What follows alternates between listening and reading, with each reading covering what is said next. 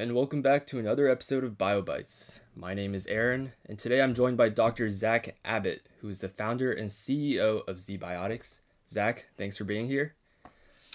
Yeah, thanks a lot for having me here. Really excited to chat with you. Yeah, first off, I guess could you just tell us a little bit about your background and what brought you to your current work? Yeah, absolutely. So, uh, my background, um, I am I'm uh, originally from Northern California. I uh, grew up in Sacramento and uh, did my undergrad at UC Berkeley. Um, and I was uh, uh, molecular and cell biology major there, focusing on immunology. Um, I also studied classical history uh, just for fun because I had no idea what I wanted to do in college. And I certainly didn't know that I was going to start a company someday. I wasn't even sure that I was going to pursue science. But then um, after college, I tried out a lot of different, um, you know, jobs and and just explored a lot of different career paths and kind of was all over the map. Uh, I uh, worked in a bar, worked in construction, um, and then uh, you know found my way back to science. I knew it was you know still an itch that was there for me, and so I uh, got a job at a chemistry lab doing uh, just sort of analytical chemistry on uh, soil and water samples, and then. but my true passion was really biology, and and so I had a buddy who was working at a lab at UC Davis, um, doing uh, HIV research, and he was moving on uh, to go to med school, and he like you know reached out and was like, "Hey man, do you would you be interested in kind of taking my spot?" And so I was like, "Yeah, that sounds awesome." And uh, I'd always been really fascinated um, and uh, you know passionate about HIV uh, research, and so it was really like kind of a just one of those just serendipitous opportunities. And so I, I jumped into that. Uh, had a really great experience working there for about a year and a half, and knew um, through that experience that I wanted to go back and get my PhD um, in microbiology, but I still didn't know exactly what I was going to do. I just knew that like whatever it was going to be, a PhD was going to help me with that. So I went and got a PhD in um, microbiology and immunology at the University of Michigan. Um, and that was an incredible experience as well. I learned so much, uh, really enjoyed it. Um, but I knew right away that academia was not going to be the place for me as a final resting place, that it was, you know, the PhD was great, but that I was ready to move on, and I really was was most passionate about applying my science um, to kind of uh, problems that that people really deal with. Like I really love for the idea of, of my science for for people to be able to engage with my science in sort of like a daily uh, or everyday sort of way. And so I knew that, that was going to be important. So that's when biotech, and in particular small biotech or possibly startup of entering my uh, you know, I don't know, my radar. And so I was looking into different things. I did like an internship in grad school at a small biotech and and I was like, you know, I think this is where I want to be. I still did not know that I wanted to start a company or anything like that, but um, uh, was sort of zeroing in on that, and then uh, spent a year after grad school designing clinical trials for drug companies, and that was another really great experience where I got to uh, see what uh, a lot of different people were doing in the biotech space as it was in terms of translating to drug development. Um, and I saw there that I didn't want to do drug development. That um, it's very hard to hold on to your science. That you're usually aiming to kind of scrape together enough data so that one of the big pharma companies will buy you, um, and then you kind of lose control over the interaction that you know you have with with people using your science, which is really what I wanted. So um, you know, through some serendipitous things that we might get into, like I, you know, uh, I ended up starting my own company called ZBiotics, and you know, we make uh, use biotechnology to make um, uh, products that people can use in their daily lives. It's genetically engineered probiotic bacteria um, sold as a food product directly to people that they can engage with and that we get to kind of have a conversation with. So I think, you know, right now I'm doing, I think what I was really destined to do. And what it took me a long time um, from undergrad till the day I started ZBiotics to find, which is, you know, probably a, a little over 10 years. Wow, sounds like you've had a lot of different experiences. Uh, yeah. I guess something I wanted to ask about was you mentioned how you had like a PhD in microbiology, and after that, you also spent a little time in like drug development, doing clinical trials. Um, did you feel like those experiences gave you like the science training you needed to like launch a biotech company in your current field?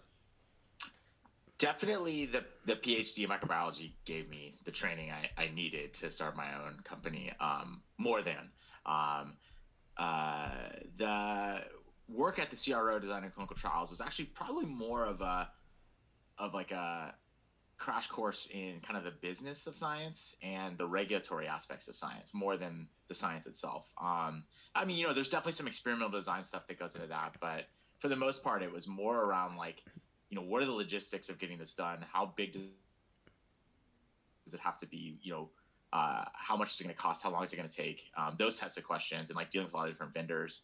And so it gave me a really cool insight into what are the other things besides the science that you have to consider when you're developing something um, you know and, and, that's not even touching consumer at that point that's just like the other kind of other like the other business stuff so yeah that was it was a really cool opportunity um, to kind of uh, add another tool to the toolbox gotcha gotcha did you um was there anything that you felt like you weren't prepared for from your like phd and yeah like were you learning techniques on the fly and stuff Uh, everything. Like, I mean, dude, there's nothing that can prepare you for starting a company. I think, like, truly, except for starting one.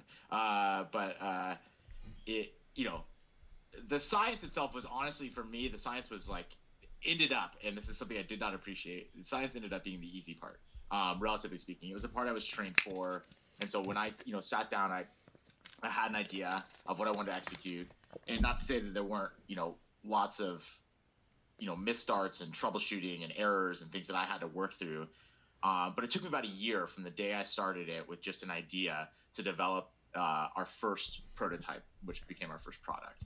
Um, and uh, you know that was all bench work, and that was very much in my comfort zone. That felt a lot like doing my PhD and working on a thesis project and things like that. Um, and what I didn't appreciate was like I really in my mind thought that like at that day when I had the prototype, it was like you know hands, you know, clean. We figured it out. It's all done. You know, sells itself, make a billion dollars. And it turns out that like that was really just like the day truly the company started. Uh, and like uh, there was a there were so many other challenging things I was never prepared for around like patent work and regulatory, manufacturing, branding, like consumer voice, like all these things that were just like uh, I mean, you know, and every company has their own stuff. And so but I think that's one of the fun things about being an entrepreneur is that you get the opportunity to learn all that stuff. Like, how is somebody who's trained as a scientist ever get to do that normally? Like, if I joined, you know, some big biotech company, they never would have let me do, do marketing and branding. But that was really fun to learn how to do. Not, and I'm still learning, of course. But like, uh, yeah. So I think that was, you know, one of the things that was that, that's been really fun in starting a company. Gotcha. Yeah. yeah, that makes a lot of sense. So I guess I wanted to touch a little bit about the science behind ZBiotics. Mm-hmm. So for our listeners out there, can you give like a quick summary of your company's product and how it works, as well as sort of like your bench to market process? Yeah, yeah, absolutely. So uh, fundamentally, so what, what we made was we took I took a probiotic bacteria that you likely already eat every day of your life. It's called B. subtilis. Um, it's really common in in uh, the environment. the soil microbe, and um, so it's like naturally on kind of like all the fruits and vegetables you eat. It's also intentionally used in fermentation of like um, soybeans for uh, this uh, uh, Asian uh, fermented soybean food called natto, which some people might be familiar with. Um, and then um, it's also used frequently as one of the uh, live microbes in kombucha and things like that. So it's just really common and known to be very safe microbe probiotic bacteria then took that bacteria that you already eat every day, um, and I engineered it so that it would express um, one extra enzyme uh, beyond what it normally does, and that enzyme is uh, breaks down acetaldehyde into acetate. Um, and so, why that matters is that like when you drink alcohol, for instance, um, your body converts alcohol into this very toxic byproduct called acetaldehyde uh, among many other things. I'm massively oversimplifying, but like um, one of the things it does is converts alcohol to acetaldehyde, and that acetaldehyde is highly toxic. It kind of wreaks havoc throughout the body, and it's kind of it's one of the things that's responsible for some of the next day misery you might feel after a night of drinking. Um, and so your liver makes an enzyme called an acetaldehyde dehydrogenase that breaks that acetaldehyde down into acetate, and it does that very effectively. The problem is that a lot of the acetaldehyde that you actually end up getting exposed to is initially formed in your gut before your liver has access to it. And it's formed by the microbes that live in your gut as the alcohol passes through before it's absorbed. Um, and so essentially what we've done is taken that really effective and efficient function of the liver and moved it into the gut using this probiotic bacteria. So this bacteria has been basically programmed to execute this function of the liver to break this toxic acetaldehyde down into acetate. So the idea is, and then we took that probiotic bacteria that's engineered to express acetaldehyde dehydrogenase, and then we put that into a small beverage, uh, just like a little liquid shot, about a half an ounce, and you drink that before you start drinking. And then that live bacteria, um, you know, sort of slowly passes through your gut. And as you drink that acetaldehyde that forms in your gut, this bacteria can break that down into acetate, um, which is innocuous, essentially vinegar. Um, and uh, and so then you know it's kind of dealing with that as you drink, and then the next day when you wake up, you've hopefully been exposed to less acetaldehyde, and you feel better than you would have felt otherwise. And so that's kind of our first product, and you know, kind of the high level on how it works. Gotcha. yeah, gotcha. That makes a lot of sense. I wanted to touch a little bit about like the vector for like delivery. Mm-hmm. So you mentioned that you you developed this um, probiotic bacteria ZB183 from the parent strain yeah. B subtilis.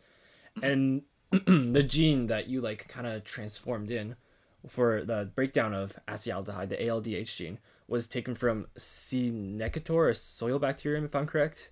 Yeah, yeah, you did your research. That's right. uh, C. necator, yeah. Um, I was just wondering, like, how did you arrive at like B. subtilis and C. necator as your bacterial strains, like for development? Mm-hmm. Like, is there mm-hmm. already a lot of research going on to this, or were there other um, were there other bacteria in consideration during your development phases? Totally, that's a really good question. So yeah, I mean, this was like kind of what the initial ZBiotics ideation looked like. Was like, okay, I know that I want to make a probiotic bacteria that can break down and express a or an acetaldehyde dehydrogenase gene. Um, but like you know which bacteria and which gene and where do they come from and so there's a lot of different options and so i just started by looking at the list of kind of common probiotic bacteria that already that we already use kind of in the supplement industry because um, we know they have like a long history of safety and um, and all those things. And then when I, I started with that list and i looked and looked for ones that essentially my requirements were that it could be, you know, it was easy to genetically manipulate because we're going to be doing genetic engineering on it, um, and uh, that it would have sort of, I guess, what I would generally categorize as robustness, uh, meaning that like some of these probiotics you might notice like have to be refrigerated um, or uh, have to be have special encapsulation or things like that that you know basically make it more difficult for them to be practical and deliverable once they're on the market. Um, and so I really wanted something that was shelf stable at room temperature um, and that would pass through your stomach acid unharmed. Um, and so that, you know, because a lot of times you take these probiotics and they just die in your stomach acid because they're not actually meant to kind of pass through. Um, so one of the really cool things about B. subtilis is that it's a spore forming bacteria. And that's how it um, is part of its natural life cycle in the environment. It goes into this dormant spore, and the spore is like this like shell coat that protects it like and it makes it incredibly robust it's incredible what B. subtilis can tolerate. Like it can literally tolerate boiling water for short periods of time. Um, the low ph of your stomach is no problem. It's naturally evolved to pass through on its own. So it's kind of come with its own packaging already which is one of the things i loved about it. And they've pulled um, bacillus subtilis spores out of like ice flows from like you know uh, uh, antarctica and stuff that ha- uh, have been around for like 10,000 years. And then they're able to like reactivate them and bring them back to like wake them back up after 10,000 years of dormancy. And so they're just these incredible microbes already, and they're already a probiotic and very safe. So it was like, okay, this is a no brainer. That's the back. And it's also really great. It's a kind of a common workhorse bacteria in the microbiology world. Um, it's uh, many people have probably heard of E. coli, and that's sort of like the one that's maybe the more famous workhorse, but Bacillus subtilis is probably a close second when it comes to bacteria that are really easy to work with in the lab. Um, and so for all those reasons, it's just like, I mean, in a no brainer, right? Like a perfectly, you know, adaptable, uh, modifiable bacteria that is super robust, super safe, super friendly. I mean, you know, it's perfect. So that's why I chose that. And then as for the, how I got the ALDH gene uh, from uh, C. was you know, honestly, that was just searching the literature. Uh, what's cool about acetaldehyde dehydrogenases is that they're an incredibly ubiquitous um, uh, class of enzyme. Nearly 70% of all life on the planet, spanning like everything animals, bacteria, everything um, nearly 70% of life on this planet has some version of an ALDH gene. So there's a lot to choose from. It's a well-studied gene. You know, humans have an ALDH gene, and I considered using the human one, but um, for practical reasons, bacteria are better expressing bacterial genes rather than like eukaryotic genes. And so um, I looked through the bacterial kingdom, and I and then my criteria was really just I was looking for something back uh, uh, genes that made enzymes that were characterized, had good enzyme kinetics, um, and came from safe bacteria. Like so, for instance, one of the ones I found that a lot of study had been done on was in one from Vibrio cholera. And so I didn't really, even though it doesn't have anything to do with the pathogenicity of, of cholera, uh, I didn't want to like, you know, that optically that wouldn't look great. So I basically identified like four or five enzymes from different bacteria, um, and uh, that had like been previously characterized in literature, and then just ordered the genes off online, um, and then um, tested all uh, all five of them. I think I used five actually to start with. Um, just and just saw which one the bug, my bug, my bacteria liked the best, um, and was able to express the most and and and have it be functional, and um, and the one from C. nectator worked the best. And so it's just a tar- targeted approach rather than screening like hundreds of thousands or something like that. We just I just picked five from the literature that were looked promising, and, and one of those was was really robust. So that's kind of how we got that one. gotcha. That yeah, that makes a lot of sense. Um, I kind of wanted to also ask about like specifically now that you've decided what bacteria you want to use, like how you managed to get this gene from your like foreign DNA into your wanted bacteria. And I know on your website you mentioned that like you use homologous recombination, which is just like mm-hmm. basically just like switching out like regions of one bacterial genome for like regions of mm-hmm. like a foreign DNA.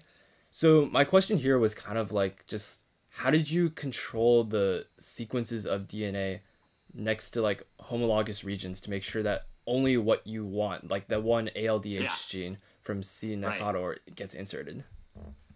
Yeah, no, it's a great question. I mean, this is like, you know, the fundamentals of genetic engineering, right? Is like, um, so, uh, I'll start by saying, just start to think of the order of operations of this, that like getting the DNA itself, I mean, this is an amazing time that we live in. And I try to like, whenever I get the opportunity, like, um, you know, advocate or, or, or excite people about like synthetic biology at this time. Like we are on like, we're on the precipice of just, I mean, it, it is like what software was 20 years ago. It's, it's like, you know, amazing times. So basically I can go online right now and like type in a, a, a DNA code um, of whatever I want. Um, you know, just like co- literally just go online, look up a paper, find the sequence of a gene, and then just copy and paste that into an order form. And then two days later, um, somebody will, uh, you know, a company uh, will, such as like Twist Bioscience, will will basically write uh, like build that DNA code and uh, like in DNA, and then mail it to me in a little vial, and I'll get it like you know a couple of days later uh, for a few hundred bucks. It's truly amazing. So like I don't have to go in and get Cupravatus nectator and uh, you know C nectator and then like cut out that DNA like the DNA I want and make sure it's the right DNA and then like you know try and like tack on homologous ends and things like that. That's what that's what I do my PhD and that's what you know we used to have to do not and not all that long ago. Like and like but like the cost of of reading and writing DNA has dropped so amazingly that like now it's just really like like you just write out what you want and somebody gives it to you and it's like it's truly amazing so so from that perspective that's really what i did right so i took the code uh, the dna code for that encodes uh, the aldh enzyme from um, C. nectator, and then i added to both ends about a thousand base pairs of, of homologous sequence um, to the site at which i wanted to integrate that gene into um, our b subtilis gene so basically like i know I want to put it in in a like you know if we're gonna call the bacterial chromosome a book, like I know I want to put it on like paragraph three of page like 97, right? So I have the exact spot I want, um, and so I just write the I just create homology on the end of my gene of interest to that exact spot in the book in the chromosome of DNA, uh, uh, bacterial DNA, uh, Bacillus subtilis DNA, excuse me, and then and then what is amazing is that then like all this like amazing biology happens that already exists that I didn't have to do anything to do. Like um, it's biology that the bacteria have evolved over the last three billion years um, with homologous recombination. So basically, they naturally take up the uh, this this DNA. So I just like literally mix the DNA in a tube with the bacteria. And then the bacteria naturally, on their own, take up that DNA, recognize the homology, and then naturally switch in the new DNA for their for the existing DNA on their chromosome. They do all that themselves, and it's a totally natural process they've evolved to be super efficient and super precise over the last three billion years, right? So we think a lot about like, for instance, plant crossbreeding, and we think that like that's totally normal and safe and really old and natural, right? But that's like only it's like less than a billion years old. Um, it's like you know they're babies compared to bacteria, and bacteria is so much more precise and efficient. Um, so it's really cool. So that's basically how we did. I just literally ordered the DNA online, mixed it with the bacteria, let the bacteria do the work, and then we get the you know resulting strain out, and you know we submit it for sequencing to make sure that every base pair is precisely we wanted, nothing weird happened. And um, you know once that checks out again, whole genome sequencing of bacteria takes like a few days and a few hundred dollars now, um, so we can just see the whole thing um, and see that it's exactly like it was before, but with just one extra gene, exactly where we wanted it to be. Um, and so it's you know it's mm-hmm. it's almost too easy these days. You know, it's it's really incredible. Gotcha. Yeah, that does sound like pretty cool. Yeah. I kind of wanted to ask a little bit more about like the homologous recombination. So mm-hmm. I guess from my limited knowledge of this process, like I know that bacteria are like pretty efficient at doing it and they can obviously do it a lot. And that's what I wanted to ask about. Like I know that it's mm-hmm. pretty common for multiple like recombination events to occur in which like right. sequences of homology will be like switched back and forth. So I guess like right. How did you how did you make sure that like your wanted like you had enough recombination events where your wanted gene landed on your probiotic bacteria as opposed to like staying in the foreign DNA? Yeah, no, totally. Uh, it's a great question. And so, like, this is sort of like the practicalities of uh, where bacteria kind of make your life a little easier. And so, it's that homologous recombination is a relatively infrequent event. Um, so when I when I talked about mixing in the just bacteria and the DNA and then the bacteria take it up, um, that doesn't. I mean, that happens, but right, like you know, in that tube are billions of bacteria, right? And so I need like large numbers. But good, good thing is that bacteria operate in a sort of a large number scale. And so then some small percentage will take up that DNA and recombine it, and then a a a percentage of uh, uh, some small percentage of those bacteria will actually do the correct integration, and and others will not. Um, and so we have to kind of find the one that did everything right. Um, and so there are different tricks to do that. Um, but basically, uh, the way we find the one that did it right is uh, you know, it, specifically at ZBiotics, is that we start with it gets a little complicated, but like um, I'll try and figure out like kind of just a, a high level way to explain it. Like we're able to take advantage of like um, this sort of like interesting like middle sort of like intermediate phase of of the DNA crossover where it actually maintains both uh, its native gene and our uh, gene of interest. And so that state is called a merodiploid, where it like uh, it has two copies of two different alleles in the same spot on the chromosome. So imagine it's like a bubble with like two loops kind of going. Um, and and so we select first for that um, because we take advantage of a, a antibiotic resistance cassette um, on the gene of interest, or next to the gene of interest, I should say. Um, and so uh, so on that bubble is like this like you know this selector. And so then we select for things that are resistant to the antibiotic. But obviously in the final product we do not want antibiotic resistance because that's like a humongous ecological and health hazard which we don't want. So what's cool is that then the way we've designed the dna um, when so at some point now it's going to have two copies of this gene and we use like uh, temperature as a way of of maintaining that um, in, in, this sort of like special case um, and so then when we basically drop the temperature, it won't maintain that merodiploid anymore and it will resolve. And 50, roughly 50 50, it'll either resolve back to its wild type state and get rid of the, of the, the uh, heterologous gene, um, or uh, the other half the time it'll resolve the other way and we'll get our gene of interest into the chromosome and it'll, it'll loop out its native gene. Um, but when that resolution happens, the antibiotic resistance cassette uh, does not stay. It goes with the DNA that was kicked out uh, during that that resolution of the halogen junction. So like, or the merodiploid, I should say. So um, it is sort of like a little tricky way for us to ensure. And then what we do, so basically, so first we select for ones that are antibiotic resistant, then we drop the temperature, and then we select for ones that have lost antibiotic resistance using replica plating. And so, and so we look at ones that are no longer resistant to our antibiotic. And then of those, basically 50, roughly 50% will be our gene of interest. And the way we figure that out is just by screening them by PCR to find that they have our gene of interest. Um, so like half will and half won't. And so we just sort of like pick like say 10 colonies and then just screen them by PCR and just like basically look using PCR to, to identify whether or not they have our gene um, or if they don't. And if they don't, then they went back to wild type and we get rid of them. And if they do, then we take those ones and, and so, okay, well, now we're like pretty sure that what we wanted to have happen happened. But to be absolutely sure, we then send it out for whole genome sequencing and make sure that indeed, not only did it resolve and take up our gene of interest, it didn't do anything else weird um, or like you know have any other mutations, and that nothing else weird happened anywhere else in the whole chromosome, not even just where on the part we were editing. Um, and then we get that result back, and we say, okay, um, it everything looks really clean, and so we now know we have exactly what we were going for. And so there's a bit of sort of like narrowing the funnel down um, to find that guy, but um, but it's you know it's always findable.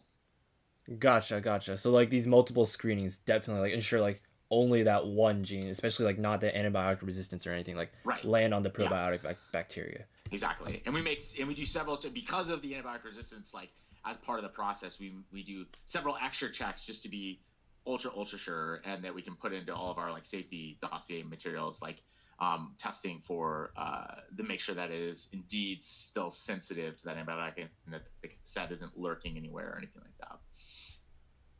Gotcha. And I kind of had like one more question about like the homologous recombination process. So basically, I know that there's a lot of bacteria already in the human gut, which is like the destination for your probiotic bacteria. Yeah. Are there do you guys have concerns that like ZB183, like your probiotic bacteria, mm-hmm. would it I know it performs homologous recombination infrequently, but is it possible that it could like have like interactions with other um other bacteria in your gut, such as like homologous recombination, altering the DNA of those other bacteria, possibly in a good way, but just like an unforeseen so, way. So you're basically so the question, just to make sure I understand, you're, the question is like, are, are we worried about our bacteria essentially editing other bacteria in your gut? Yeah, or even the other way around. The, just like, yeah. do these interactions or, or like exist? editing us. Yeah. So without a doubt, I mean, you know, bacteria interact, right? And like I say, this is a natural process of DNA exchange that already exists that we're just taking advantage of for genetic engineering. So there is no doubt that some level of recombination, given a large enough you know sample size, will happen, right? Like ha- enough people taking enough bacteria, right?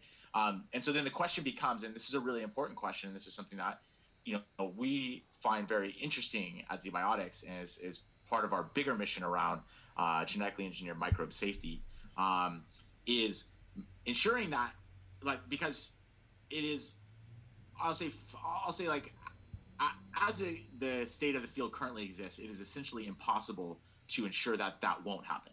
Um, so we so for all intents and purposes we have to assume that it will and so therefore whatever does happen in terms of interactions between genetic interactions between our bacteria and, or any engineered bacteria and and a wild type bacteria in your gut um, that those interactions won't be deleterious. Um, and so so that's a hard thing to to to, to you know to, to define right? Like like because you're basically saying like how do you say that something that is that is probably that that will happen given a larger sample size that is undefined we don't know what it's going to exchange um, that that isn't dangerous in some way. And so here's how we approach that question um, which is like that we started with a bacteria that you already that humans have been intentionally ingesting for hundreds of years in high quantities via natto kombucha other fermented foods. Um, and so we know that any dna exchange that could happen with just the wild type, that wild type bacteria has happened, and that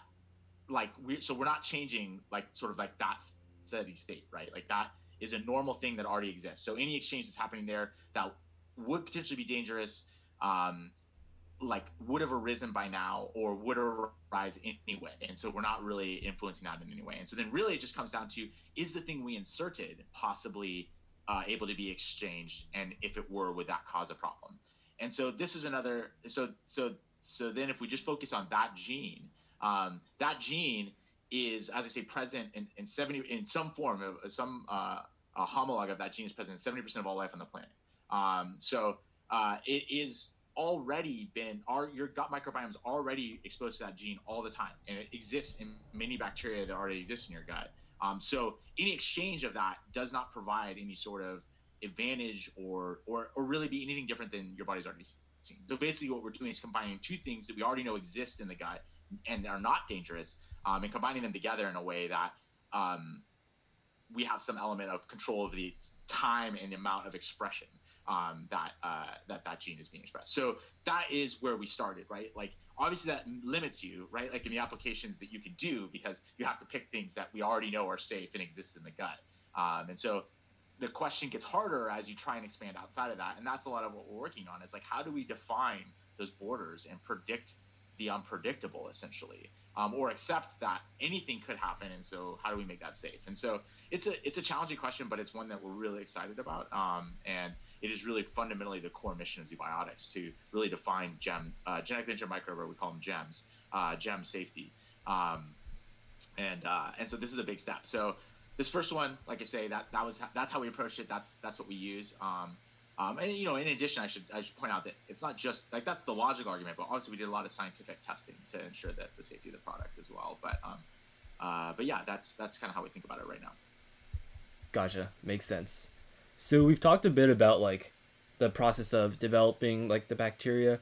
Um, I kind of wanted to touch a little bit about like the your functionality and like safety tests that like uh, that are on your website. I was wondering, can you give like a quick summary of like some important steps that you had to like fulfill to ensure product safety as well as like mm-hmm. product mm-hmm. functionality? You know, it does what you wanted to do. Mm-hmm. Yeah. So we chose to launch our product as a food product not a drug um, or a supplement.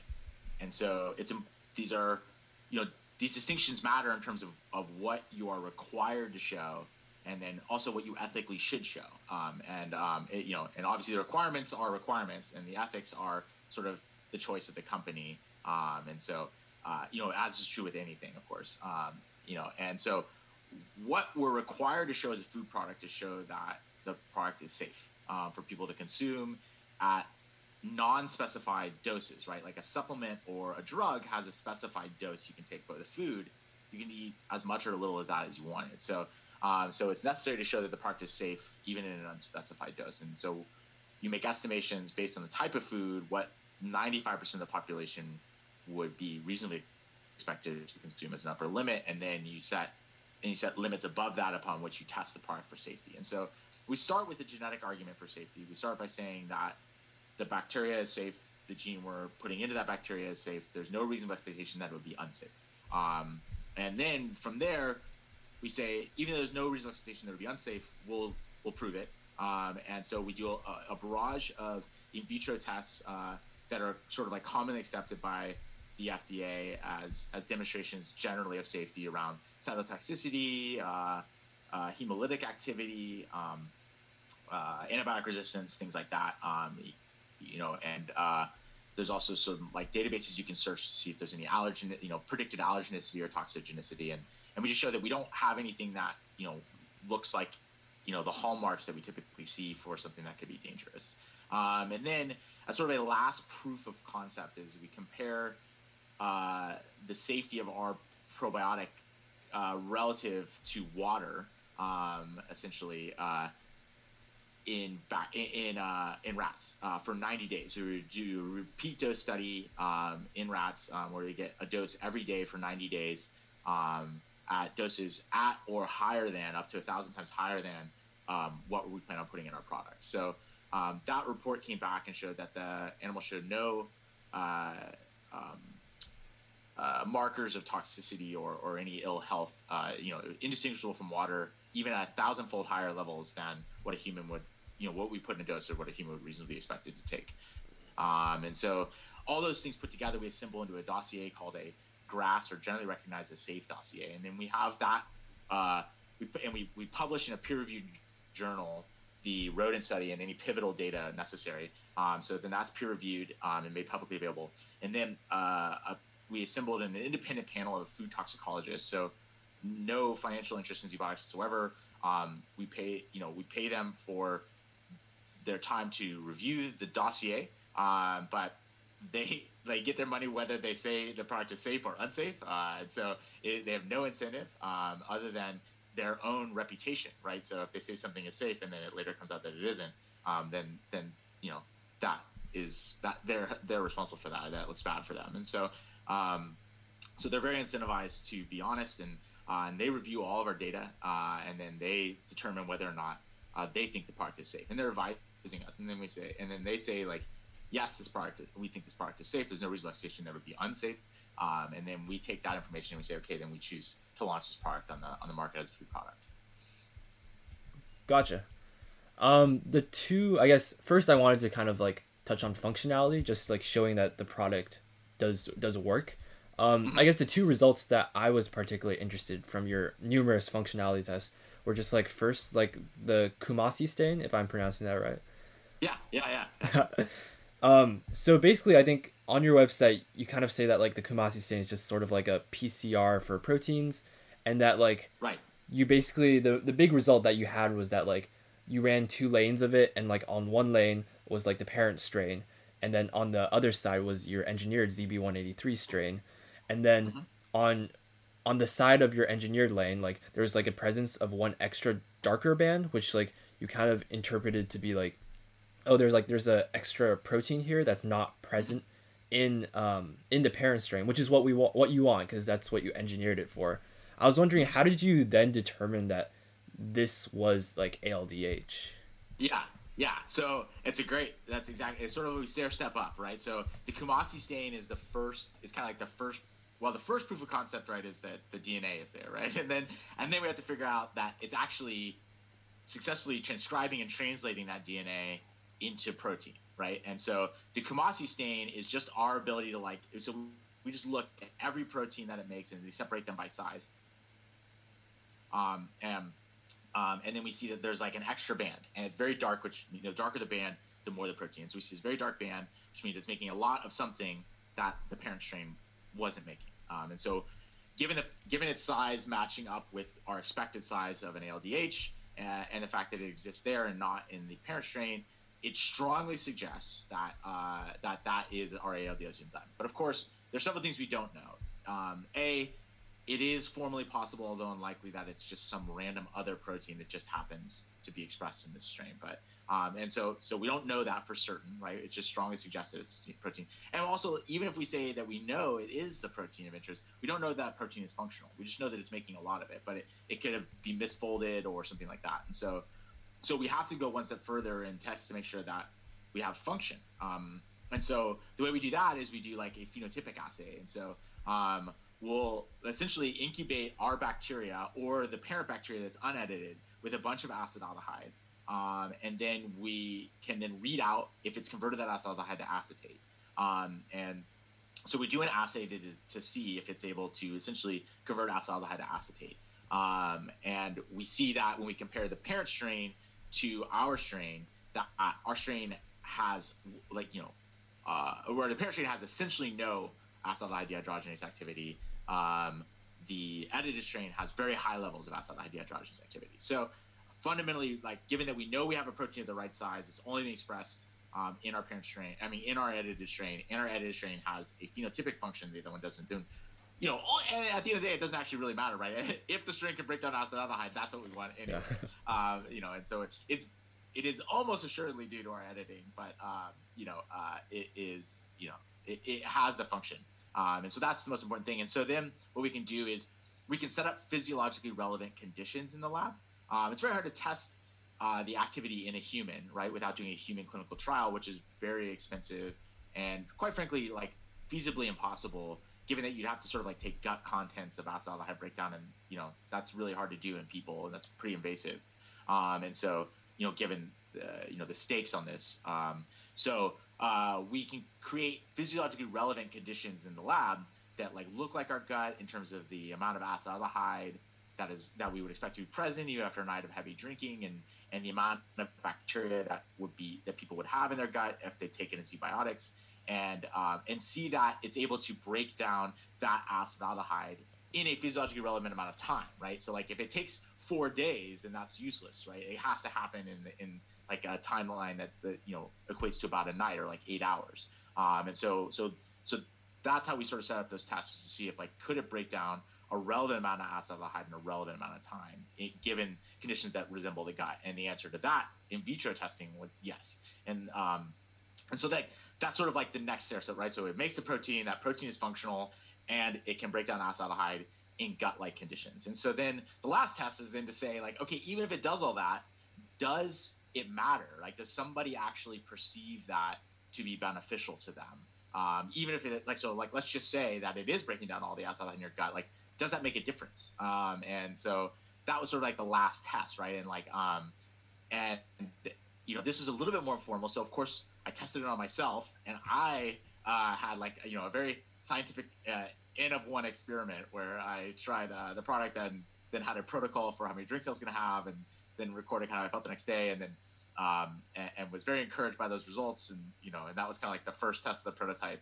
Uh, but then we moved on, and you know, we started um, handing out beta, you know, beta uh, prototypes, uh, you know, beta samples um, to, to to people, and and asking them to tell us how they, they felt the next day. Um, and so it's you know uh, a perception of efficacy, right? Like, um, do they whether or not it does anything for you, do you feel like it does, right? So even if it is doing something beneficial for you, if you wake up the next day and say, like, I don't think I feel different, then it doesn't matter, right? Because it because even if it is biologically doing something, like what matters to the cut to the to the consumer is that they actually can tell that difference. And so so we asked a lot of people. We handed out ended up handing out like about ten thousand samples um, and and asked people and got a lot of feedback. And we saw huge uh, amount of positive response. Um, you know. Uh, roughly 94 95% of people said they did perceive a benefit from the product and so that for us was at the end of the day what mattered right we're making a product that people will use and and judge based on their own experience um, whether or not it was valuable to them and whether or not they buy it again. So ultimately, that's the test that matters, and that was those results were also very encouraging um, and encouraging enough to say that I think we had a product that provided people with value um, and that that that they'd be interested in purchasing. And so um, from there, it was you know launching the product and and hoping we could do right by it on the market. And so far, um, that those results have held very consistent. That the vast majority of our customers are are satisfied and um, and say they buy it again. So, gotcha, gotcha. Sounds cool. I wanted to follow up on the phenotypic assay that you mentioned. Mm-hmm. Um, that was also the second thing that I was interested in from the functional test. I saw the graph where it was like in vitro testing about where your engineered strain kind of broke down acetaldehyde from like 18 millimolars to like 10 millimolars, whereas your parent strain like basically didn't have any breakdown, and that was like a pretty important proof that it, it works. I I think your website kind of suggested that like this breaks down more acetaldehyde than like you would than a regular person would consume in like one drinking session. Mm-hmm. I was kind of curious, like, do you think that like this could be your product could be an aid for like significant overconsumption of alcohol and like are there possible this might be like a huge stretch but is there like a perhaps like a clinical use for probiotic bacteria for like say people who are like addicted to alcohol yeah i mean uh, i think both are really cool uh, are very important questions i should say like uh, particularly the first one like it was something that you know we certainly uh, thought a lot about early on in the early days of zbiotics. Like is this something that you know the point of, of of making a genetically engineered probiotic is to make people's lives better.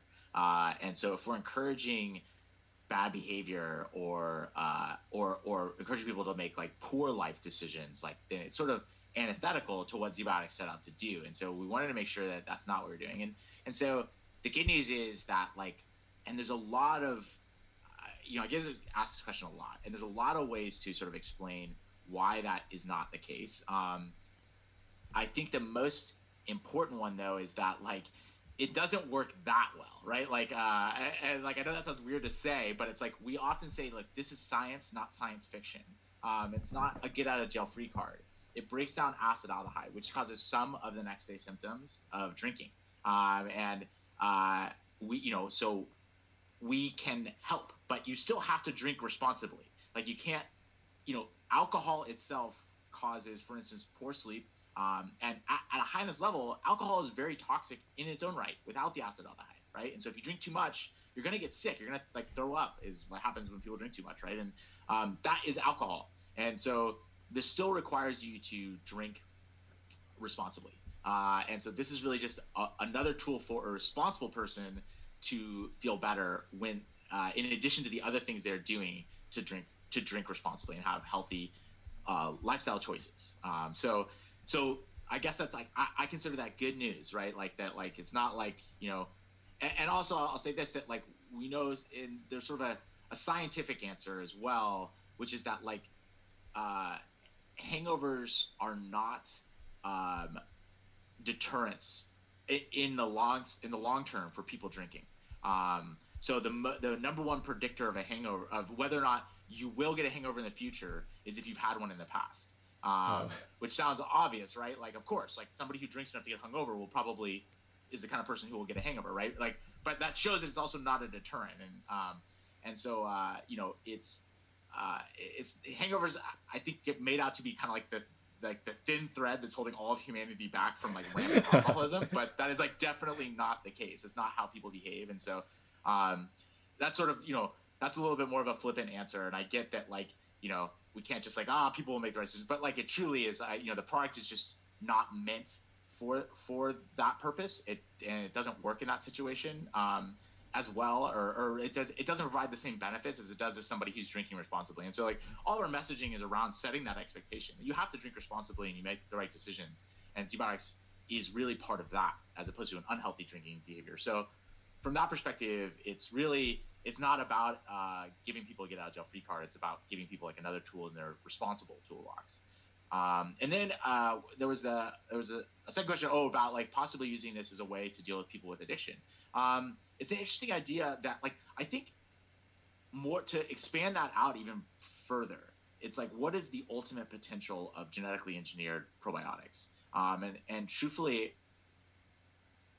I mean, not to get too hyperbolic, but I think that the possibilities are are, are endless. Um, using genetically engineering, we can program any biological function on the planet into a probiotic bacteria and then you can eat that bacteria and temporarily gain that function as that bacteria passes through. That's a really amazing idea. And so, so essentially, if there's a biological function that can do X, we can give you like X. Uh, and so I think that like if you think about like addiction, if you can think of a biological function that would help with that, um, we could program that into a probiotic and potentially and and have that effect on you as long as like uh, that function is relevant in the gut um, for instance. But there's other places where probiotics live in your body, of course, as well. So um, anywhere where we can have bacterial access is an opportunity. And so I do think that like this can be applied to all sorts of things. And indeed, there are companies out there developing drugs um, using the same strategy of genetic engineered probiotics. Um, we chose to go with you know really li- I really like the idea of being able to engage directly with the consumer. Um, GMOs have gotten a bad name, and you know, and I don't think it's all been for bad reason. You know, I think there's been a lot of trust issues and a lot of like devious uh, sort of like um, corporate behavior or whatever that has led to the like you know people not trusting it. And so we see ZBiotics as an opportunity to elevate the narrative uh, above like is it or isn't it a GMO um, you know is a GMO good or bad? Into something more rational around like here's the technology here are like the acknowledged risks which we've talked about uh, to some to some extent today um, and you know and here are the benefits. And like we present this information freely and transparently and openly to you and give you the opportunity to evaluate those things um, and, and, make your own decisions. And so really taking that that conversation to a much more rational level where people can evaluate the risks like they do with any new technology. Um, and so i think that that for me that's much more important right? Um, well i should say it's more important to me um, uh, it's not more important uh, in an absolute sense i mean like, obviously disease prevention is incredibly important. Um, it's just that I, like I'm excited about having that conversation, and you know nobody questions a GMO when they have diabetes and they need insulin, which is made with GMOs, a genetically engineered uh, E. coli. Um, right? But they do when they're walking through the grocery store and they're making sort of like food, like optional decisions. And so, so I'd like to have the opportunity to have an effect on that conversation a little bit more. Um, and I think there's a lot of really great that we can do with that. And so that's why we are where we are. Gotcha, gotcha. Yeah. No, I definitely think, um, at least from what I've learned about your company, like it definitely seems like you guys are like trying really hard to like um, make a dent in like that uh, GMO like stigma. I would I would say. I think one thing that I found like particularly interesting and like was the reason I'm I'm able to ask all these like higher level questions is that like you guys are super clear about like your science and like your safety, which makes it like easy for like anyone to just like kind of like read it, understand, and like even then ask ask questions. So I guess the last science thing I kind of want to touch on based on that was like um, just your safety study with the your in vitro rat study. Um, I think from what I understood was that that's kind that was one of the last steps that you needed to take to prove safety, and that mm-hmm. you basically just had to prove that there weren't really dose dependent adverse reactions mostly, and if there there were any, like you would have to like look at other factors to explain whether that was like a statistical anomaly or whether it was something to be concerned about. And from my understanding, like there wasn't really any, there weren't many um, in the in the super long battery of tests you ran. Like there weren't really any dose dependent adverse reactions from the re- results. So my question was kind of like, if you guys did see like dose dependent adverse reactions, you know, like with increasing dose, like there was negative effects in the mice. How would your company have dealt with it and like how far back like would you have had gone in development?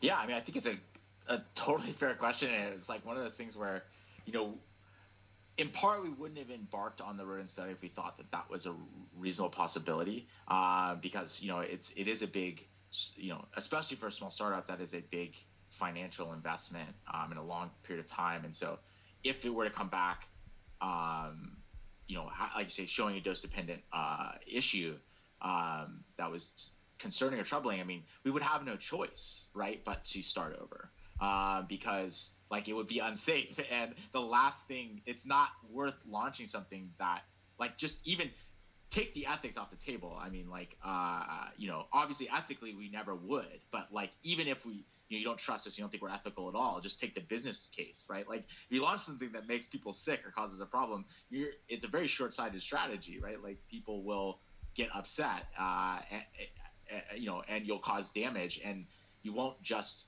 It's not just bad business; you'll blow up your all future opportunities. So you have you you have no choice, I think, in my opinion, uh, but to do the right thing. Obviously, there are many many examples of people choosing to do the wrong thing. And so I, maybe it's a little naive of me to say but like we you know so i think if we had seen a dose dependent uh, issue that was like concerning or that we thought would have been a health risk in any way um, we would have had to i mean at that point it's tough to say what we would have done. Um, i think that if you know probably first step would be to see if there's some way we could rescue the product we currently had um, and so I would look and see what the dose dependent effect was, like what part of the you know body uh, was the problem created in, and then maybe try to isolate why that happened, and then if it was something that we could maybe change, um, that, that so to to minimize or mitigate that effect, um, then we would you know try that and then try again. But even then, we'd be like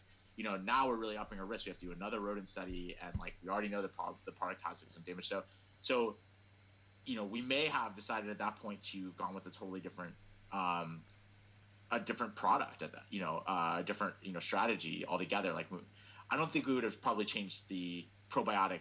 We start. I don't think. I think we still probably use Subtilis because we know it's a very safe bacteria. The you know very long issue of safe use. So we'd have to assume that our edit was what created the problem, and so we probably would design it with something else. Um, and then I would guess that the other thing I would do would be in the next rodent study, I would also run it expressing a protein that that has already been shown in rodents to be safe um, as a positive control for safety. Um, and so if that showed a problem as well, then we would know that there was something wrong with there was something we were, there would be an artifact that we were missing that it wasn't as simple as the bug and the protein. Um, and and then we'd have to you know think through what that might be. So I think that would be how I'd have approached that problem. But thank goodness we have to do that because I would have not honestly, truthfully, I mean at the stage of the company we were at, it, we would have died. Uh, I don't think we would have been able to raise more money at that point um, and we would have been out of money. So um, so it's, it's it's grateful that that didn't happen, but I think that's what scientifically what I would have done. Gotcha, makes sense. And on your website, you also kind of like mention that your in vivo rat study. I think if if I'm not mistaken, you felt that like your test of in vitro and like a lot as, as well as like a lot of in mm-hmm. silico tests like provided compelling evidence for product safety and then right. so i guess my kind of interpretation of that was like do you think that this is a direction that food product developers are headed in in which in vivo testing in rats is like like just not as necessary uh, if you already have like in silico and like in vitro mm-hmm. like test results and i asked this because i know that like computational modeling and like in vitro mm-hmm. work like they're only projected to become like more comprehensive and more right. accurate so is this like perhaps the reasoning behind that i truly hope that we can get there i think it is a phenomenal waste of animal life and it's unethical um, to do these tests uh, like at, a fundamental level um, that being said it is our best it is our best tool right now um, and there's no way around it. Essentially, like you know, you just you can't you can't do you can't bring a product to market um, without it. Um, I hope that we can move away from animal testing. I hate that we have to do it, um, and we try and do as minimal as possible. We don't do dose ranging tests ahead of time uh, to limit the number of animal tests we do because they're not strictly required. They're like safety test, like uh, safety in the sense of like um, uh, like they're smaller tests so that if they fail you don't do the big test like it's safety in terms of your checkbook not safety in terms of like the product and so we would rather risk our checkbook than like more animal testing. And um, and so we really try and do the minimum absolute minimum possible to to you know uh, avoid the uh, unnecessary like waste of, of animal life. Um, and i really hope that computational uh, models and in vitro and in silico testing, and even um, new in uh, like creative, like you know, like think about uh, this is sort of like a far fetched idea. It's not around the horizon or anything, but like you know, with like lab grown meat, like at some point maybe we could like grow a representative like biological system like um, that wasn't alive but like was biologically active that we could you know do do representative testing on uh you know I, I would love for that to be the case and i hope and i know that we're progressing that way Unfortunately, I think it's still a long way off. I just think that like regulatory agencies and basically you know comfort, like um, uh, people's sort of like emotional comfort with the idea of like trusting a computer um, as opposed to you know uh, a living system is just a long way off. Um, and so hopefully a lot of work will be done to demonstrate that they're functionally um, identical or that it's irrelevant models uh, that those are relevant models and things and, and that we can minimize animal testing in the future um, and, and, i really i really you know it's one of the things that i, I, I hate about um, this industry that is just sort of like you know unfortunately unavoidable right now gotcha yeah i totally agree um, and i guess the last sciences ish question is that like are you guys designing for like where's the future of ZBiotics kind of headed? Are you designing for new functions like like say mm-hmm. breakdown of lactic acid, or are you continuing your like acetaldehyde breakdown research? Are we are you guys still messing around with the same bacteria strains, or are you scaling up your current product? Yeah, uh, kind of like all those things, I guess. Um, we're definitely building new products, uh, and we're really excited about that. Like I said earlier, you know, we can program any biological function on the planet into a bacteria. Uh, and so that is just like such an exciting thing that we can't help but pursue, right? And so we are never set this company up to be, you know, a drinking company, uh, hangover company, or vice company. That's never was a point. It was always about like showing what we can do with genetically engineered microbes and the potential of this really cool platform technology. Um, you know, we're the world's first ever genetically engineered probiotic of any kind, um, but we won't be the last. I can guarantee that. And so we'll be making more products that do all kinds of things related, you know, totally unrelated to our first product. Um, and we already have a second prototype um, that's built, and we're looking to commercialize in the next year. Um, and we have, you know, three, four, and five uh, in the works in our pipeline. Um, we're also in conversation with like other companies that are also uh, doing genetically engineered, you know, probiotics or genetically engineered bacteria for different functions, both clinical and you know uh, uh, consumer facing, and um, you know we're really encouraged by that, and and we don't see these people as competitors. We see them as collaborators and like you know it's building a, a, a new industry. Uh, we're really excited about that. Um, so definitely see a lot more on the horizon, and we're really really committed to to really showing the value of this and how important it can be. Gotcha, gotcha. And lastly, uh, if you still have time, uh, I'd love to ask a couple of business questions, if that's okay, about like starting Yeah, up totally. a biotech. Um, yeah, absolutely. So I guess originally I found your company just by looking through the Y Combinator like alumni directory. So I wanted to kind of ask like what was Y Combinator is obviously like one of the world's most well-known startup accelerators and what was the process of like applying to YC like? Yeah, it was. Uh, it was like it's kind of a, a crazy experience. Like the it, it is like this like kind of like big deal and like you know it's intimidating like Y Combinator and so we applied and we're like you know we put together our application and you know what Combinator is traditionally thought of like you know it definitely has its roots in it. Its most famous companies are like a lot of software or sort of like um, marketplace type companies and things. Like obviously they do many more things than that but that's kind of what they're known for. And so we sort of felt like maybe we were going to be like a weird kind of applicant or whatever. And i think in a lot of ways we were but um, you know as a biotech company but there, there are other biotechs um, for sure. And, and so but we applied and we put together an application and um, uh, and i had actually previously done a YC, this yc fellowship program which was like a, a thing they tried like early on, just a couple of batches. It was like small scale for just like zero to one kind of stage companies. Um, and I so I had already had some interaction with the YC community, which I think was really helpful. Um, I was able to kind of get a uh, uh, a recommendation uh, from another from a person in YC like for our startup application. So that at least got us, I think, a look. Um, but you know, there are lots of people getting looks, and so it is a lot of i mean yc has so many really great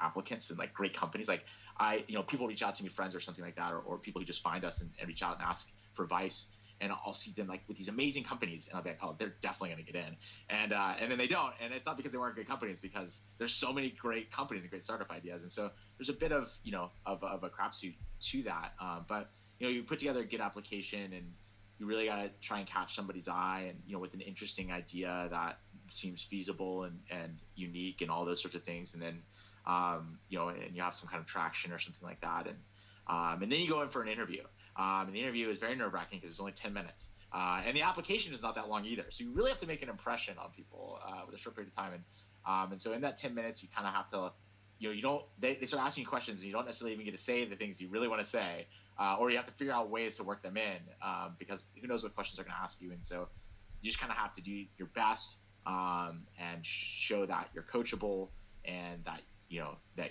you're not too stubborn but that you believe in yourself and like you know all these things and so it's like kind of walking this fine line and, and then who knows what happens behind the closed doors but then you get in and it's like oh my god and um, and so I know we walked out of our interview thinking there was no chance we got in. Uh, that it felt like it went terrible, uh, but then we did, and so we did the program, and I just can't speak highly enough of like how amazingly helpful and fun and informative it was, and how great the community is, um, and and uh, you know it continues to be. We still use it as a resource. So so yeah, YC was definitely the only reason that we exist, and we're you know we just loved being able to be part of that. Gotcha.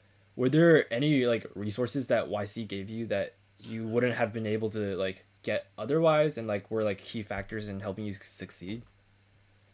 Totally. I mean, like everything. I mean, they help you incorporate and like structure your company, and you get a you know you get basically like the experience and wisdom of thousands and thousands of previous startups, right? Like uh, and best practices, uh, just the basics things that like I never would have known. I was a scientist. I didn't know how to start a company, um, and and you just learn all that stuff, like you know, kind of like day one, and then you have this whole community of other startups in your batch and in your small group that you you know we're still friends with some of the you know companies that we went through the program with you know I don't know like however many years later three years later um, and uh, the fundraising I mean demo day is just like I mean it's unprecedented. Like you know when are when else would you be able to get a thousand investors that are really eager to invest in you like sitting in like in an auditorium where you get a pitch to them uh, all one go? It's it's incredible. So there's that and then the ongoing community. So there's a you know internal forum um, where you can post you know you can ask for anything Um, and somebody has gone through that problem or has used a vendor that solved that or whatever, and they'll connect you. And so, I mean, it's just like it's such an amazing resource. Gotcha. And like when you're pitch, like when you're pitching to investors, and also when you're applying to YC, like what stages of like product development were you in? Like, did you already have like a functional kind of like probiotic bacteria that you had already started like running safety tests on, or were you earlier? Yeah, I mean, I mean, for the first raise, like the for like just the tiny little like pre-seed starter money I needed to get the biology going, I just I just you know was pitching an idea. I was like, hey, I'm a PhD microbiologist. I this is a feasible technology, and this is what I plan to do with it, and I think I can build it um, and you know, and just sort of painted a picture. And I wasn't asking for a lot of money, and so you know, I was lucky that a few small investors were willing to write some small checks to get just the technology moving.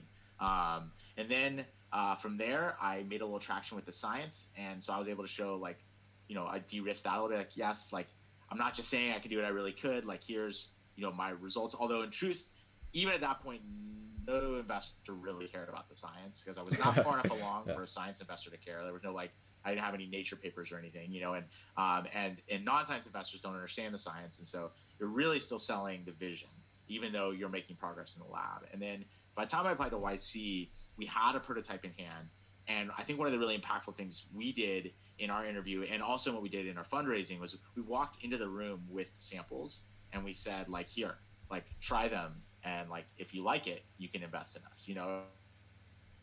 If like and um and i think that level of confidence in the product was was one of the things that differentiated. I mean you know we also had a lot of other selling that we had to do uh, but you know being able to show and stand behind a, a prototype i think is a really it's a great option if you have it like it's not always the case with everything but um you know so so that was that was something that we had in terms of traction. But we weren't on the market and we weren't gonna be. We we're raising money to manufacture the product and get through the regulatory requirements and all those things. And so we're like, look, you know, we had to walk in and say we're still a year or two away from launching this product. Like, but here it is, and we think we can do it. And like, here's what we think we'll do once we do launch. So help us get there. Gotcha. And uh, you're obviously a scientist by training, and you're also the CEO of a company. Um, I wanted to ask, like, would you say that business knowledge is like needed to form a startup, like even a, a science startup? And like, as a scientist, like, did you have like business knowledge like coming coming into this and like what was it like trying to navigate those logistics yeah i certainly wasn't trained uh, in business like i didn't have any but uh, you know i'd done a lot of thinking and dealing with by the time i started zbiotics i dealt with a lot of companies that did have a, that were science based and just sort of seeing the different paths to market and thinking about what my opportunities would be for commercializing my science and i think one of the early I think one of the things that I had uh, instincts towards that isn't that anybody can learn and develop, but that like I, you know, I, I just had um, for whatever reason. I'm sure there's a reason, but like I can't think of it off the top of my head. It was like I understood the difference between cool science and commercializable science, and I think that's a really important distinction that you have to have. Like there's a lot of cool things we discover in the lab but they don't make good products or companies. Um, and, and, I think that like one of the kind of common pitfalls for scientists is to believe that if something is really interesting or really cool or seems like it should be useful, then it's worth starting a company over or worth trying to sell. When in reality, it maybe isn't. Um, and so I really tried to focus on on commercializable science and like thinking through like from the get go, like when I was doing the initial designs, like I said, when I picked my when we talked earlier about what strain of bacteria I chose to start with, it was all about practicalities of commercializing it, right? Like what would be shelf stable, what would be like able to pass through your gut unharmed without encapsulation. Those are like logistical problems, right? Um, not scientific ones. And so like just thinking through it like that, and I think that that having like approaching it that way set us up uh, so that when the the real business stuff happened that I definitely did not know anything about, um, we at least had a product that was commercializable. And then you know my co-founder had you know had a little bit more background in sort of like um, in, in, the business, um, and so he was able to kind of take what a commercializable thing and, and, and help me turn that into a company and a business. Um, and then we also got a lot of outside help as well. So I guess to more directly answer your question, like, do you need to have business savvy or business training to start a startup if you're a scientist? And the answer is no. but you do have to recognize that you don't, um, and you do have to recognize like what science is commercializable, and then get help where you need it. Um, but you always, nobody can build a company by themselves. Everybody needs help. Uh, everybody has you know vendors and uh, consultants and co-founders and employees and all the things you need and so you need to recognize that you're not going to be able to do everything and know your limitations and don't stand in your own way basically gotcha gotcha. And i also wanted to kind of like touch on specifically what it's like to found a biotech company as opposed to like other types of company like software companies. Were there any like unique benefits or challenges that biotech startups face in comparison to other startups? I guess one one really big challenge that I first thought of was like, hey, like, wouldn't it be a lot harder to start a biotech startup? Because like you're dealing with people's like health as opposed to like a software company that's just like making a website? In some ways, uh, I think yeah, it cuts both ways, right? Like yeah, it's harder, which means less people are doing it, which means you know you have a lot more defensibility uh, and a lot more sort of uniqueness. Um, anybody can start. Well, I I don't mean that to trivialize how difficult it is to start a software company, but the point is like anybody can build the things that it would require to start a startup, uh, a software startup. It, it takes an immense amount of ability then to overcome the, the, hurdles of dealing with like the immense pool of people who are building software startups, right? Like um, if you build an app um, or a website or you know a, a software service, um, you know, like the coding can be done by many people. So then how do you kind of differentiate and, and find your way? Whereas with the biotech, it's like you're building hard tech and so, like, it's not to say that like I'm the only person in the world who can build what I built. Other people can too. It's just that like you have to have more training and more equipment. Currently, someday I don't think that'll be the case. I think someday, like you know, 20 or 30 years ago, building a software startup was a lot harder than it is today. And I think that 20 years from now, building a biotech startup will be a lot more plug and play. Um, but right now, we're kind of in a sweet spot where you still need the training, you still need to be a scientist. Um, uh, to, to at least some extent. There's a lot you can already outsource, so I don't want to overstate like the specialness or like the necessity of like a PhD or anything like that. Like I think there's a lot you can do without that. Um, but like you're building something fundamentally that didn't exist before um, in the natural world, and so that's a very defensible thing. Um, and it's very you know unique and differentiating and defining. And so I do think that like that's the advantage of biotech startup. Now the flip side of that coin is that you have to be able to build that, right? And you have there's a lot of upfront money that goes in to the research and development and the manufacturing and the regulatory and all those things. And so you have it's a different path to market. You can't just launch something. You have there's a lot of work that goes into it. And so you have to be able to raise you have to be able to really paint a good picture, right? To an investor to to put money on you when you're saying like, look, we're not even gonna have something in the market for like two or three years in a best case scenario. Um, so I think that like that those are kind of the give and takes. Um, uh, but I also think that one of the most amazing things that we have right now is just so much white space in biotech. Right, there's so much potential um, and capability, and so few things that are because it's new. It's so few things that have been built. Like the fact that I could build the world's first ever genetically engineered probiotic, like it's crazy that, that even that opportunity even existed. That somebody hadn't like that that opportunity hadn't been taken already. Um, and and there are so many industries where there's no way you could grab low hanging fruit like that. And so I, I, think those are the advantages that exist in the biotech space that just make it so fun um, to be in. Gotcha, makes sense. Um, and my very last question was just like, do you have any advice for like biotech startup founders out there who are like looking to do something similar that ZBiotics did?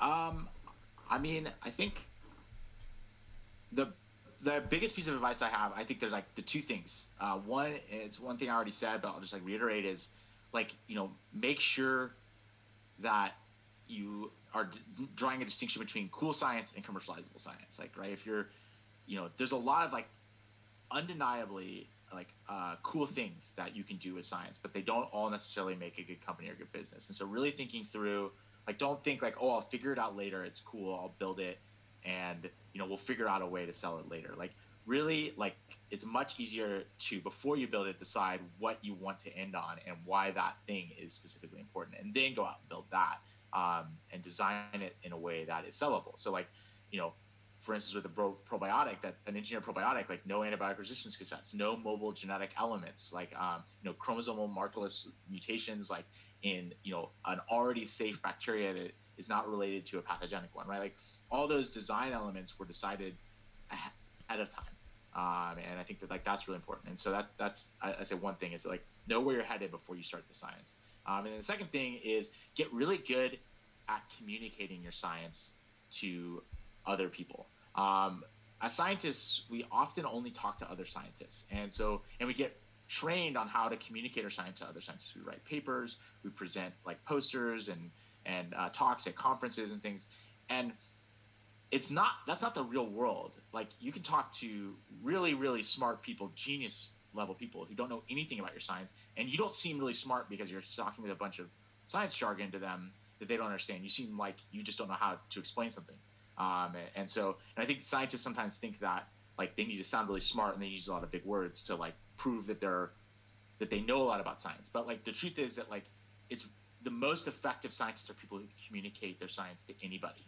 Um, and so that and that's necessary, right? When you're in an investor meeting with somebody who only has 20 minutes and they don't have time to dig in and they're not scientists, but they want to know why what you're building matters. And so you have to be able to pre- present that in a way that is understandable. And so practicing that is something that takes a lot of work. It was amazing for me to understand what was jargon and what wasn't. When I started ZBiotics, I was blown away. Like the word enzyme is jargon. Um, like most, many, I shouldn't say most, I don't know if it's most or not, but like many people don't know really what an enzyme is, even if they've heard the word. Probiotic is actually a word that like many people who take probiotics don't know their live bacteria. And so like we make these assumptions as scientists that people know things that we take as second nature, but they're really things that we've been trained to know and that other people don't know. So like getting good at explaining those things, and I think that's what makes people like Neil deGrasse Tyson and and Stephen Hawking such amazing scientists. And in addition to being like mega super geniuses, like they also are able to effectively communicate these incredibly concept concepts to everybody and have everybody appreciate them. And so I think that that is like one of the greatest skills you can do as a scientist is be good at pitching your science. Like practice telling your parents um, or you know your friends or whatever people who are not scientists about your science in a way that gets them excited about what you're doing and not bored uh, you know if you see people's eyes cross over and talk about your science you're doing it wrong you know and so i think that those are like the two big pieces of advice i would have gotcha no i totally agree well yeah that's all the questions that i came prepared with today so zach thank you so much for your time today i'm certain that everyone listening to this episode is going to walk with walk away with something new and interesting like me um, definitely go check out ZBiotics to anyone who's listening. And uh, Zach, yeah. thank you. thank you. Thanks so much, man. It was really fun, and uh, I just really enjoyed it. Yeah. So, uh, you know, uh, happy to answer any questions anybody else has. Uh, feel free to shoot me emails and. Uh, you know, through our website, zbiotics.com. Um, pretty much all the emails on that website go directly to me in my inbox. So happy to answer anything anybody has. And and yeah, so it was, it really really fun chatting with you, Aaron.